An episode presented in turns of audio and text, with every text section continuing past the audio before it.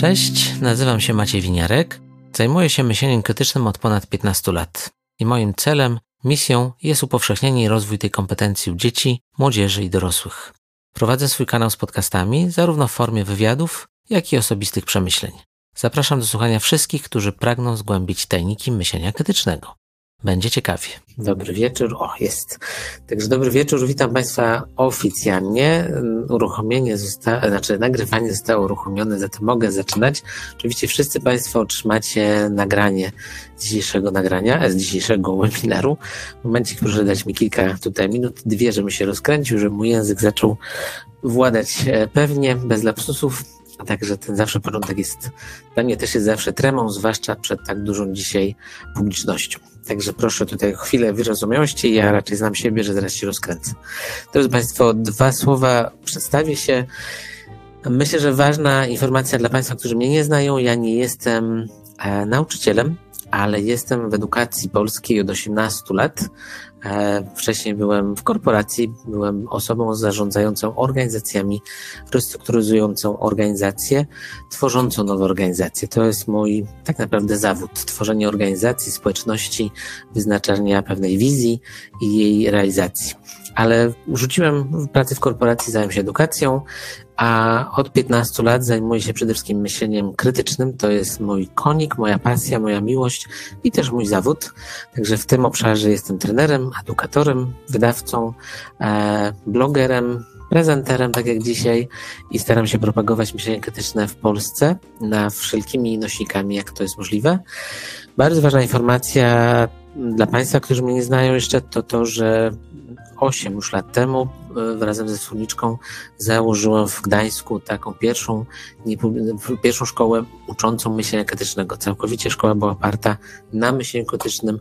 W parku biznesowym to też było nowością, bo wcześniej mm, wszystkie szkoły tak samo wyglądały. My pokazaliśmy, że szkoła może być w parku biznesowym otoczona młodymi ludźmi, biznesmenami i w takiej kulturze da się przedsiębiorczości, żeby gimnazjaliści, licealiści wzrastali. Od dwóch lat prowadzę swój taki właśnie osobisty, unikalny projekt czteroletniego wdrożenia myślenia krytycznego i jestem też prelegentem właśnie w Polsce bardzo często i za granicą, bo też moja cała wiedza pochodzi z zagranicy. W Polsce o myśleniu krytycznym, takim edukacyjnym tak naprawdę nie było nic i, i tutaj wiele rzeczy ściągnąłem, ale moja cały czas właśnie wiedza pochodzi z zagranicy, także też tam czasami prowadzę zajęcia w szkole, czy jestem prelegentem. Jeśli Państwo by chcieli oczywiście więcej informacji o mnie, to zapraszam na moją stronę osobistą maciejwiniarek.pl Tutaj staram się ograniczyć czas, szkoda jakby tutaj czasu na, na mnie, ale dla osób, które chcą wiedzieć, z kim macie do czynienia, to zapraszam. Oczywiście, zobaczcie tam wszystko, o sobie więcej napisałem. Ze mną dzisiaj są jeszcze dwie osoby, bardzo ważne, bo my jesteśmy tutaj takim zespołem trzyosobowym, na razie niedużym, ale w dzisiejszych narzędziach, technikami i tak dalej można prowadzić dużą społeczność, dużą organizację tak naprawdę małym zespołem. Jest ze mną pani Kasia Kret, która jest dyrektorem naszego ODN-u, Instytutu Krytycznego Myślenia i jest z nami pani Ilona Rachecka, nasza mistrzyni i organizacji, administracji, finansów, sprzedaży. I pani Ilona i pani Kasia będą pomagały mi prowadzić, ogarnąć tą grupę osób, która dzisiaj przyszła, bo to dla nas naprawdę duże i bardzo przyjemne zaskoczenie, że tak dużo osób się zapisało. I drodzy Państwo, ja będę pokazywał materiał, wszystko tłumaczył, wyjaśniał, prezentował i jeśli pojawią się pytania, wątpliwości, to bardzo piszę, bardzo proszę, piszcie na koment e, w czacie, tak jak teraz. Także witam wszystkich bardzo serdecznie, a pani Kasia i pani Ilona będą starały się na wszystkie pytania, wątpliwości miarę szybko odpowiadać, tak? Także ja nie dam rady, bo bym się musiał tutaj rozdwoić, a przy małej grupie 50-80 osób to raczej staram się odpowiadać, ale przy już grupie powyżej 200 osób, a mamy w tej chwili już prawie 250 osób, to jest już wiem, że niemożliwe. Także ogromna prośba, piszcie, komentujcie, zadawajcie pytania, a my będziemy starali się jako zespół na nie odpowiadać. E, jaki cel dzisiaj spotkania? Drodzy Państwo, przede wszystkim zatrzymać i pomyśleć. Wszystkie moje prezentacje, warsztaty, szkolenia polegają na tym, żeby przede wszystkim się zatrzymać i pomyśleć, bo to jest tak naprawdę zawsze cel i pewna istota myślenia krytycznego. Więc dzisiaj też Państwa postaram się zatrzymać różnymi informacjami, różnymi pytaniami, bo ja zawsze zadaję dużo pytań takich retorycznych, żeby wziąć je ze sobą i one zaczynają pracować i o to chodzi. Także to jest cel numer jeden, a oprócz tego chcę Państwu pokazać swoją subiektywną diagnozę procesu edukacyjnego, ale mam nadzieję, że to będzie bym powiedział inny, mam nadzieję zaskakujący materiał, inne zupełnie spojrzenie na polską szkołę.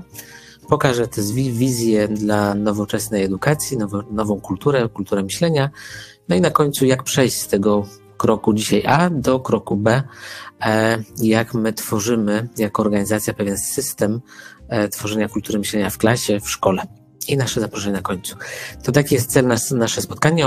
Myślę, że maksymalnie 90 minut, e, ale postaram się w miarę szybko, żeby Państwa też nie zatrzymywać. Z drugiej strony oczywiście nie mogę ze wszystkim pędzić jak karabin maszynowy, także muszę tutaj znaleźć mniej więcej tą właśnie równowagę, ale tak w opisie e, w zaproszeniu było, że właśnie mniej więcej czas do 20. Ja jeszcze też mam prośbę, żeby Państwo mi powiedzieli, e, kto tutaj do nas przybywa, bo też będzie mi łatwiej nawiązywać. Także proszę o teraz kliknięcie bo webinar teoretycznie był skierowany dla nauczycieli, bo tydzień temu miałem webinar dla dyrektorów, ale na, dyrek- na webinarze dyrektorów pojawiło się sporo nauczycieli i nie zdziwiłbym się, gdyby na webinarze dla nauczycieli pojawiło się chociaż to odrobinę kilku czy więcej dyrektorów, ale wolę, także wolę sprawdzić, upewnić się. I bardzo ważne drugie pytanie, czy właśnie Państwo uczestniczyli w jakichkolwiek naszych wydarzeniach, czy jesteście zupełnie pierwszy raz na takim spotkaniu e, z myśleniem krytycznym w, naszej, w naszym wykonaniu. Także chwilę poczekam na, na kliknięcie. Ogromna prośba o wybranie to, co jest Wam. Nie musicie, drodzy Państwo, pisać na czacie, e, tylko tutaj właśnie wypełnić, jakby kliknąć na, na ankiecie, to będzie dużo bardziej wiarygodne i zostanie ślad. Co nieco wiem. Okej. Okay.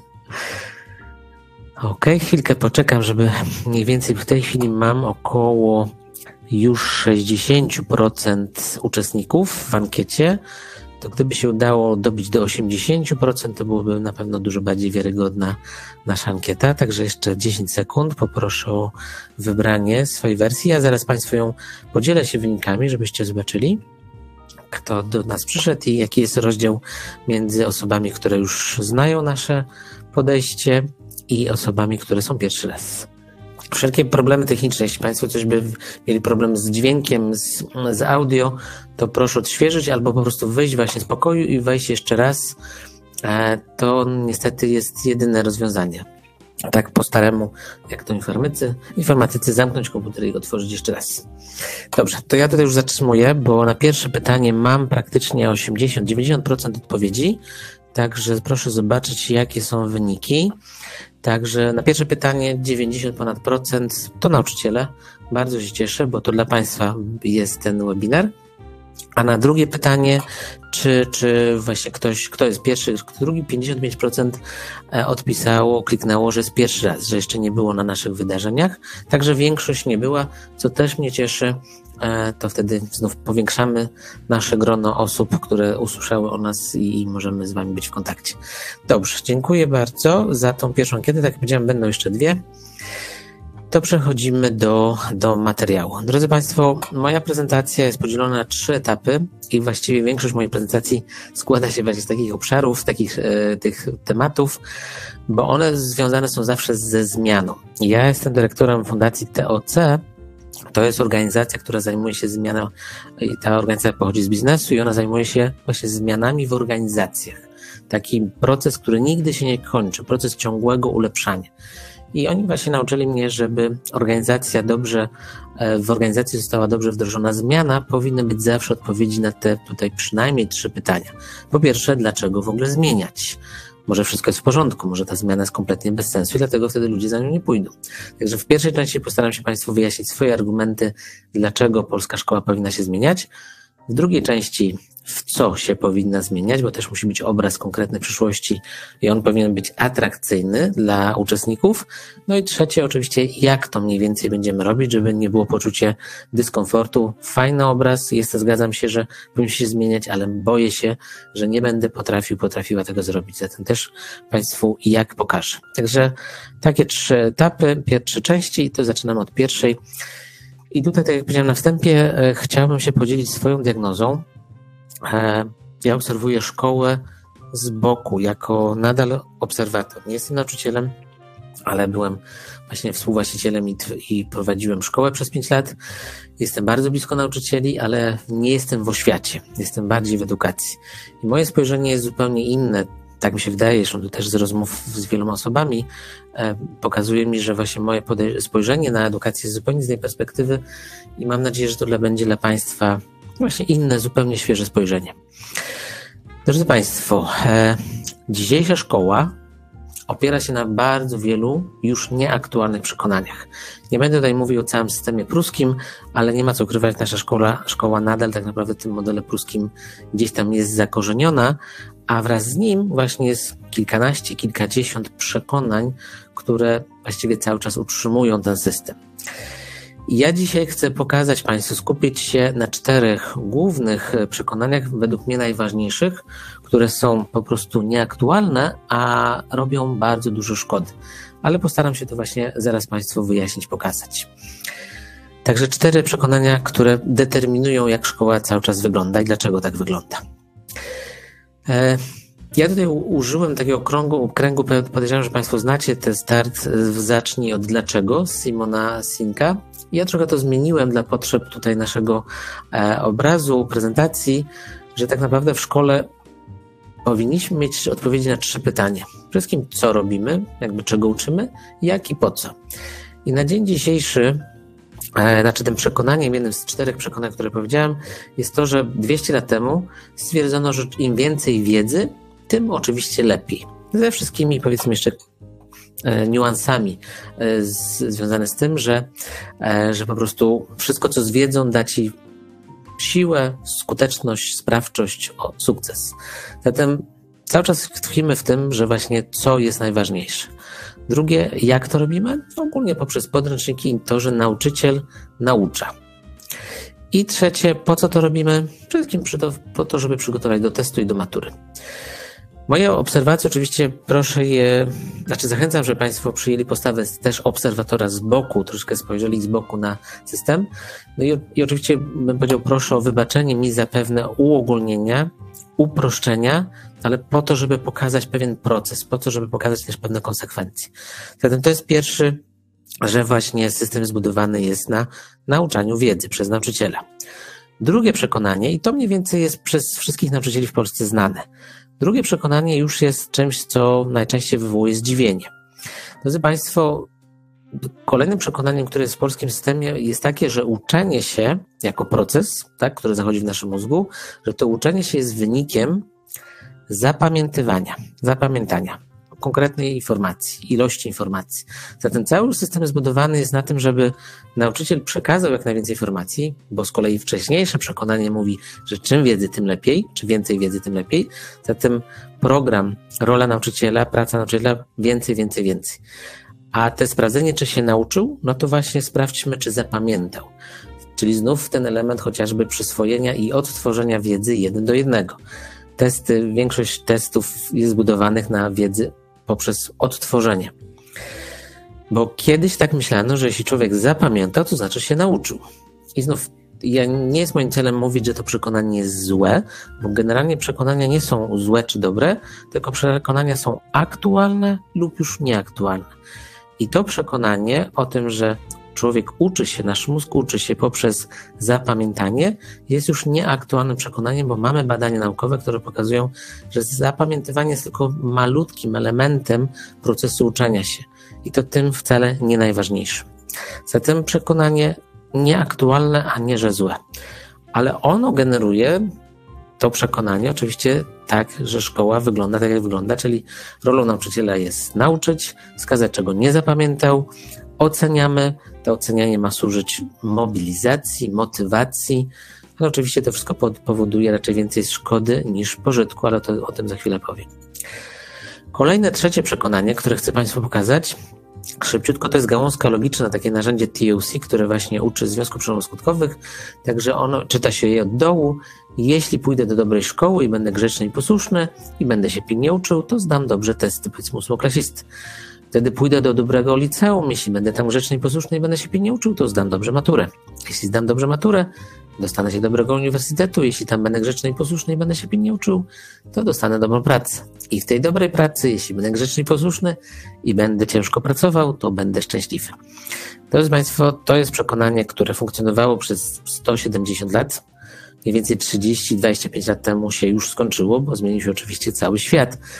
I już nie o to chodzi o posłusznych e, uczniów, absolwentów, pracowników, to już nie te czasy, ale znów szkoła, rodzice, nauczyciele tak funkcjonują. Ja to pokazuję też tą gałązkę uczniom e, liceum czy e, studiów wyższych i oni wszyscy mówią, że oczywiście to jest absolutnie już nieprawdziwe przekonanie.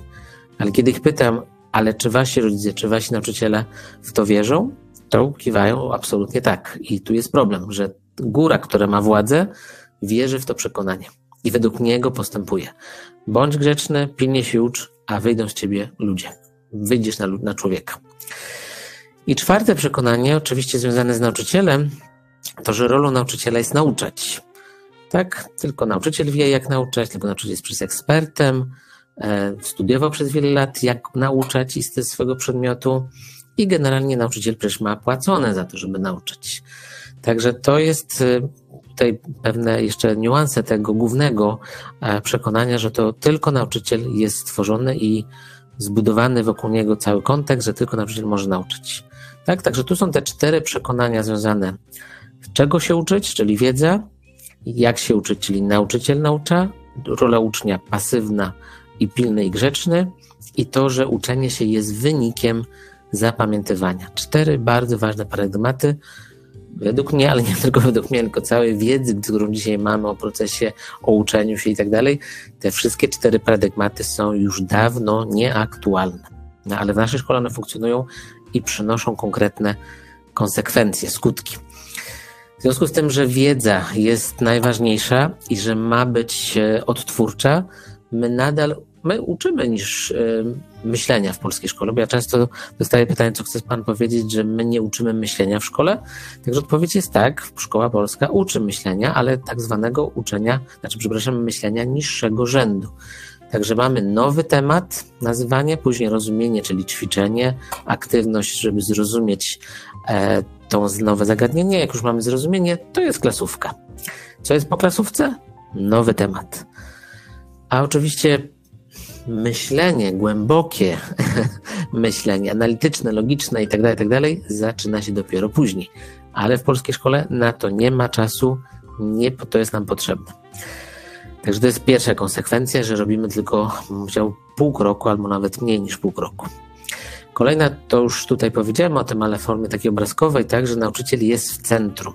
Cały system kręci się wokół nauczyciela, to on naucza, tak, to on jest tym, który idzie do klasy i właśnie te interakcje jeden jeden, przepytywanie, ocenianie. Właściwie najważniejszy jest nauczyciel, od niego wszystko zależy. I to powoduje ogromne konsekwencje, według mnie negatywne konsekwencje związane z Państwa pracą. Jest Was dzisiaj 90 ponad procent, zatem teraz absolutnie mówię do Państwa jako nauczycieli. Ja widzę z boku, jako obserwator, że w tym momencie Państwo musicie być właśnie takim magikiem, który żongluje, który po prostu wynajduje cuda. I to, że wychodzicie z tymi, przepraszam za ogólnienie, siatami różnych zasobów, materiałów, opracowań, gadżetów do klasy każdego dnia, to właśnie to, że system tak naprawdę na was naciska, skoro ty jesteś najważniejszy, ty masz nauczać, to człowieku weź się, ogarnij, znajduj nowe rzeczy i właśnie dźwigaj te siaty i popachy się, po prostu napracuj, zapracuj, wtedy będą efekty. E, to, co mnie jeszcze zaskakiwało przez te wszystkie lata, jak patrzę na system edukacji, to to, że rozwój, który u Państwa jest niezbędny, cel, cel jest, rozwój nauczyciela jest oczywiście wpisany w Wasz zawód i tak dalej, tak dalej, ale on w, w ogromnej większości, trudno mi to powiedzieć, że 90 czy 95%, ale w ogromnej większości właśnie skierowany na tym, żebyście Wy się rozwijali w obszarze jak jeszcze lepiej uczyć, jak jeszcze lepiej nauczać, przepraszam. To, to jest bardzo trzeba uważać na słowa. Także większość szkoleń, które jest na, na rynku, firm szkoleniowych i tak dalej, jest skierowanych o tym, jak zrobić, żebyście jeszcze lepiej nauczali. Tutaj tylko wypisałem przykładowe szkolenia, które są bardzo popularne, są na rynku i oczywiście mnóstwo nauczycieli w dobrej wierze z nich korzysta. Ale tak naprawdę mam nadzieję, że to już Państwo zaczynają łapać o co mi chodzi, że tak naprawdę przez to, że Wy sami szkolicie się w tych obszarach, to tak naprawdę utrzymujecie te stare paradygmaty. Chociażby to, że tylko nauczyciel może nauczyć. Skoro tak, no to muszę się szkolić. Jak jeszcze lepiej nauczyć? I zaczyna być zamknięte kółko. Teraz je pokażę. To, co jest oczywiście też, Państwo o tym wiecie, ale na rynku się tym bardzo mało mówi, ale ja to z boku bardzo mocno widzę, to jeszcze jest gigantyczna presja, gigantyczna presja z zewnątrz, którą otrzymujecie. Od siebie, od kolegów, koleżanek w Radzie Pedagogicznej, ogólnie w szkole, czy ogólnie tak, w środowisku nauczycieli, więcej, mocniej, rywalizacja, kto zrobił to, a kto zrobił tamto i, i właśnie jeszcze więcej, jeszcze szybciej. Oczywiście od dyrekcji, organów prowadzących, od rodziców, którzy mają postawę, no bardzo często weźcie moje dziecko i oddajcie mi za 8 lat wychowane, wykształcone i będzie wtedy dobrze. I od społeczeństwa. I tutaj tych od już nie wymieniałem, ale tutaj na pewno jeszcze Państwo by dopisali z kilka osób, obszarów, gdzie tę presję dostajecie. Także to, co widzę ja z boku, to to, że Państwo z jednej strony wywieracie ogromną presję sami na siebie, że skoro znaczy tutaj mówię z poczuciem, że wierzę, że duża większość z Państwa, która dzisiaj przybyła, czy wszyscy jesteście tymi nauczycielami, którzy przyszli do tego zawodu świadomie, że jesteście tymi nauczycielami z misją. Zatem każdego dnia podejrzewam, że chcecie robić swoją pracę jak najlepiej. Ale to jest tak naprawdę ogromna presja na samego siebie, co jeszcze, co jeszcze, co jeszcze, jakie gadżety, co jeszcze. I w tym momencie jeszcze ta presja z zewnątrz. I właśnie tutaj już jedna pani napisała, jedna osoba napisała, pani Magda, Błędne koło. Tak. To, co chciałem właśnie pokazać, to to, że Państwo dla mnie jesteście właśnie w błędnym kole, które jest takie zamknięte i jest tylko mocniej, szybciej, ciaśniej, głębiej, ale wszystkie takie negatywne związane z rzeczy, że po prostu presja, presja, presja i to przyspiesza i to zwiększa. Mieliśmy pandemię, skończyła się pandemia, teraz dojdą dzieci, doszły dzieci uchodźców z Ukrainy, nie ma warunków dobrych, żeby odpocząć. Państwo od dwóch, trzech, czterech, pięciu, sześciu lat po prostu macie więcej, szybciej, dalej. Ja tylko mogę współczuć, e, ale też, żebyście Państwo to, co chcę tutaj pokazać, że po części sami się dokładacie, uważając, że tylko Wy możecie nauczać.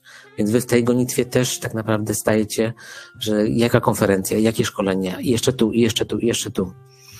Zatem po części jesteście też silnikiem, dolewacie paliwa do tego silnika, w tego sprzężenia i to jest w kółku. Drodzy Państwo, tutaj pokażę kolejne jakby nowe spojrzenie związane z tym, jak my się zachowujemy jako ludzie i znów przekonania, jak determinują nasze zachowania. Także przekonanie wpływa na to, jak zachowujemy się, nasze działanie, a to z kolei wpływa na jakiś rezultat i najczęściej to jest wspierające moje przekonanie i tak w kółko, w kółko. Także drodzy Państwo, przekonanie, które jedno tutaj tylko pokażę, to najważniejsze, powiedzmy, tylko nauczyciel może skutecznie nauczać. Ono powoduje, że Państwo, jak działacie, robicie wszystko, aby być jak najlepszym nauczycielem. I tutaj to, co powiedziałem wcześniej, związane z dokształcaniem, z podręcznikami, z gadżetami, ze wszystkim. To zaś przynosi na dzień dzisiejszy niesatysfakcjonujący rezultat, bo wbrew naturze. Chodzi mi tutaj o neurodydaktykę, sposób jak się mózg uczy. My dzisiaj wiemy, że takie działanie, taki sposób prowadzenia zajęć, nauczania po prostu jest kontrskuteczny. On jest, nie ma szans od strony biologicznej, żeby był skuteczny. Zatem, ale można powiedzieć Państwo, widzicie, że rezultat jest słaby, niewystarczający, niesatysfakcjonujący, więc zamiast zatrzymać się i powiedzieć stop, co robimy źle, to ja obserwuję to od 15 lat, jak jest, aha, źle, no to trzeba przyspieszyć, to trzeba nowe rzeczy, to trzeba więcej, to trzeba szybciej. I w momencie sami jesteście zamknięci właśnie w tym kółku, w tym błędnym kole. Czy to jest skuteczne? To jest oczywiście pytanie retoryczne. Zastanawiałem się, co pokazać Państwu, że, że czy, czy to jest skuteczne, ale stwierdziłem, że nie będę za dużo się wysilał, bo ja nie znalazłem już od dobrych kilku lat na przykład, który by powiedział, że wszystko, co robicie Państwo i szkoła jest bardzo skutecznym organizacją, systemem. Zatem tutaj tylko wziąłem po prostu wynik matur z ostatnich 8-9 lat, który pokazuje przede wszystkim żadnego rozwoju, żadnego przyrostu. Jest cały czas, można powiedzieć, tak samo, a jeśli warunki się zmieniają, ostatnie dwa lata to oczywiście pandemia i warunki się bardzo pogorszyły, no to oczywiście wyniki są dużo gorsze, co dla mnie pokazuje, że nie ma w tym momencie skutecznego procesu. Są tylko powiedzmy proces, który w miarę działał w odpowiednich, w miarę komfortowych warunkach. Kiedy zabiera się komfortowe warunki, utrudnia się je, to cały proces tak naprawdę się wali. System się wali. I, I, myślę, że tutaj wyniki matur byłbym zaskoczony, gdyby one w 2022 i kolejnych latach były nagle dużo lepsze. Także informacji, że system nie jest skuteczny i Państwa praca nie jest skuteczna, nie jest efektywna. Ja nie wierzę, że ona jest zła, broń Boże. Państwo cały czas pracujecie bardzo ciężko z, z intencją zrobić to dobrze. Oczywiście nie wszyscy, ale Dzisiaj jestem pewny, że jestem tutaj w rozmowie, mówię do osób, które naprawdę zależy im na edukacji. Także nie chodzi, żeby pracować więcej, chodzi, żeby pracować efektywniej. Drodzy Państwo, taka dygresja, bym powiedział, ekonomiczna, biznesowa. Polacy ciągle się e, ścigają z Koreańczykami o to, kto pracuje ciężej. My jesteśmy cały czas drudzy, drudzy w tej, kto pracuje najwięcej godzin w roku, czasami pierwsi, jesteśmy cały czas w czołówce. Ale kiedy jest pytanie, kto pracuje najefektywniej, to nagle my z tej pozycji niezbyt chwalebnej drugiej spadamy na jedną z, z ostatnich. My nie pracujemy efektywnie i to jest mój przekaz, który staram się tu Państwa pokazać. Przestańcie pracować tak dużo, bo to i tak nie przynosi na efektywność, szukajmy wspólnie innych rozwiązań, które spowodują, że proces będzie efektywniejszy, co nie oznacza, że trzeba tam włożyć jeszcze więcej godzin pracy. Drodzy Państwo, to wszystko oczywiście musi być też jakimś kosztem się odbywać, także tutaj tylko dwa, dwa slajdy, dwa słowa związane jakim kosztem dla dzieci. To tutaj wziąłem opinię e, po rankingu perspektyw, który bardzo też wpływa, no nie ma co ukrywać, negatywnie na kulturę, rywalizację i, i tak dalej, i tak dalej. I to oczywiście są koszty e, chęci pojawienia się w szkoły w perspektywach, w rankingu. Więc to jest taka pierwsza informacja, a druga, zdecydowanie bardziej ważniejsza i, i raczej poraż, wszystkim porażająca, tu jest wykres prób samobójczych nastolatków w wieku 13-18 lat w ostatnich 8 latach. Tak to powiedzmy cały czas rośnie, plus ogromny przyrost w 2021. Mamy przyrost praktycznie 300% w ciągu 8 lat. To są tylko i wyłącznie zgłoszone próby samobójcze. To nie jest e, element w tym momencie, że wszystkich prób samobójczych, więc wszyscy, no, raczej specjaliści mówią, że to jest przynajmniej trzy razy tyle. Że to są tylko te, które no, mocno się wydarzyło i trzeba było zgłosić na policję, a wiele z nich nie było trzeba, bo gdzieś tam rodzina sama sobie poradziła. Także, drodzy Państwo, to, to są konkretne koszty. Ja nie mówię, że szkoła tutaj jest jedynym winnym, broń Boże, jeśli chodzi o słaby stan, bardzo zły, zły stan psychiczny dzieci. To jest wszystko, co ich oczywiście otacza, ale też nie możemy powiedzieć, że szkoła kompletnie jest do tego nie związana z tym, jednak dzieci są w szkole 35-40 godzin tygodniowo, zatem więcej niż w domu. Zatem szkoła to na pewno powinna być miejscem, które mówi, ok, my widzimy problem i my w miarach swojej możliwości coś z tym robimy. Ale jaki jest koszt dla nauczycieli? Bo to oczywiście mówi się, jeśli się mówi, to najczęściej mówi się o uczniach, ale nie mówi się, albo bardzo mało się mówi o koszcie dla nauczycieli. Także to tak trochę na wesoło, ale myślę, że Państwo oczywiście, myślę, że czujecie się jeszcze gorzej e, po tych kilku miesiącach, a do końca roku jeszcze trzy miesiące. Także ten sytuacja, kiedy z energią przychodzicie, a później tylko jest element, aby tylko dotrwać, no trwa już od kilku lat.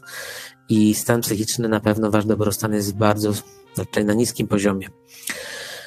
49% nauczycieli, co prawda to jest niewiarygodne informacja, bo to jest tylko z Mazowsza, e, ale pokazuje pewien trend, który jest we wszystkich województwach, że ogromna ilość nauczycieli bardzo poważnie myśli o odejściu z różnych powodów, które tutaj są wykazane. E, wypalenie nauczycieli, zawód nauczyciela jest jednym z naj, który jest podlega jednym z najszybszych wypaleń zawodowych, około 10 lat. I tutaj wskazane są przyczyny. Brak poczucia skuteczności, że to, co robię, właśnie ma sens, jest efektywne.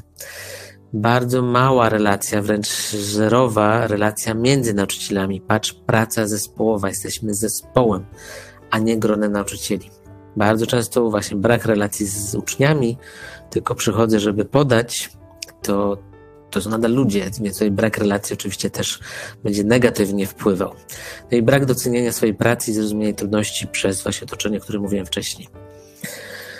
Drodzy Państwo, także z mojej perspektywy, patrząc z boku, ja widzę, jak właśnie nauczyciele, nie system, nie szkoła, tylko nauczyciele są w takim błędnym, zamkniętym, negatywnym kole, które właśnie przekonania, które już są nieaktualne, cały czas napędzają działania, a te działania przynoszą coraz gorsze rezultaty i tak jak już powiedziałem dwie, trzy minuty wcześniej, zamiast się zatrzymać i powiedzieć, co robimy źle. Inaczej, Państwo podejrzewam, że często zadajecie to pytanie, ale nie, nie mało jest dyskusji o przekonaniach, a to przekonania determinują zachowania.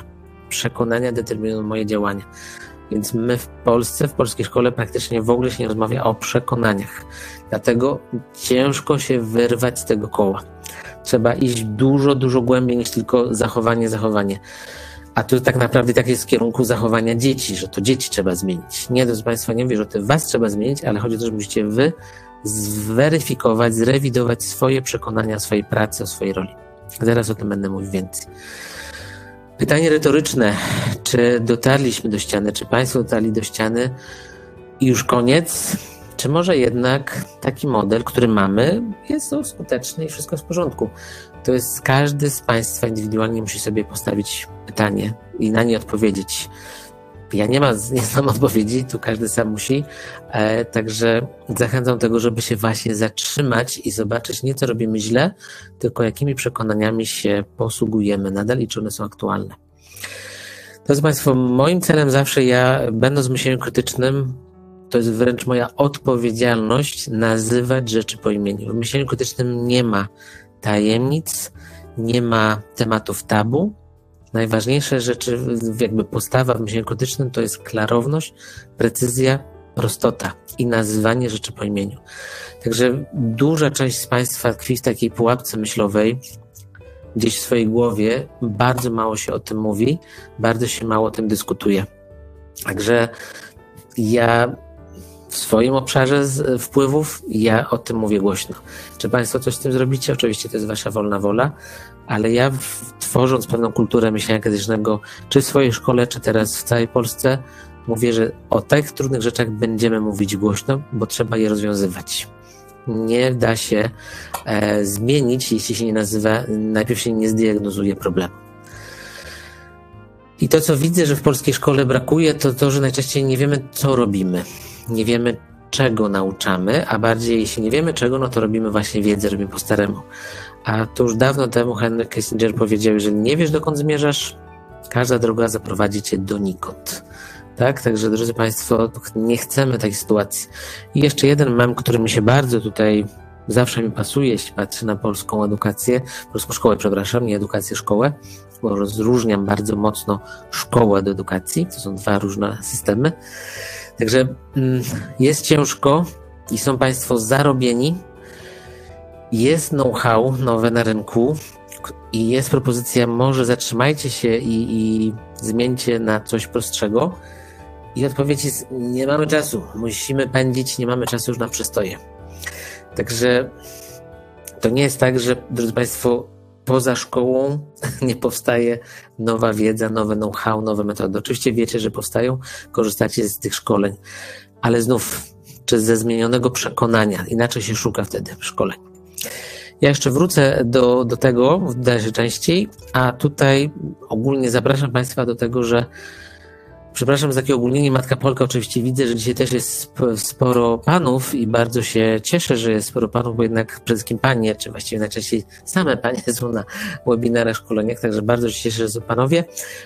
Matka Polka w przebudowie, weźmy, że nauczycielka, nauczyciel w przebudowie, drodzy Państwo, to trzeba zatrzymać i budować nie od góry. Ja nieraz dostaję pytanie, dlaczego nie robimy tego z ministerstwem. I odpowiedź, drodzy Państwo, większość zmian narzuconych od góry jest skazana na niepowiedzenie, na niepowodzenie.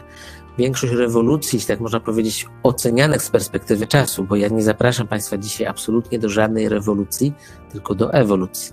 Ale większość po czasie się okazuje, że to było rewolucyjne. Po 10 latach nagle wszystko widzimy się zmieniło i mówimy, to była rewolucja. A ona się zaczyna od właśnie zmiany w moim kręgu, czyli na mojej lekcji, na moim przedmiocie. Później moja szkoła, później może moje, moja gmina i tak dalej, tak dalej. Także od dołu. Drodzy Państwo, tu się zatrzymam e, z pytaniem, czy to, co pokazałem, czyli wszystkim cztery przekonania, które są nieaktualne, czy w jaki sposób się Państwo, jak się do tego odniesiecie? Bo ja nie mówię tutaj o systemie pruskim, tylko już nazywam to zupełnie z innej perspektywy, czyli tych przekonań, które determinują Wasze działania i według mnie one są już nieskuteczne i przynoszą mnóstwo negatywnych konsekwencji dla Was jako człowieka i oczywiście dla uczniów.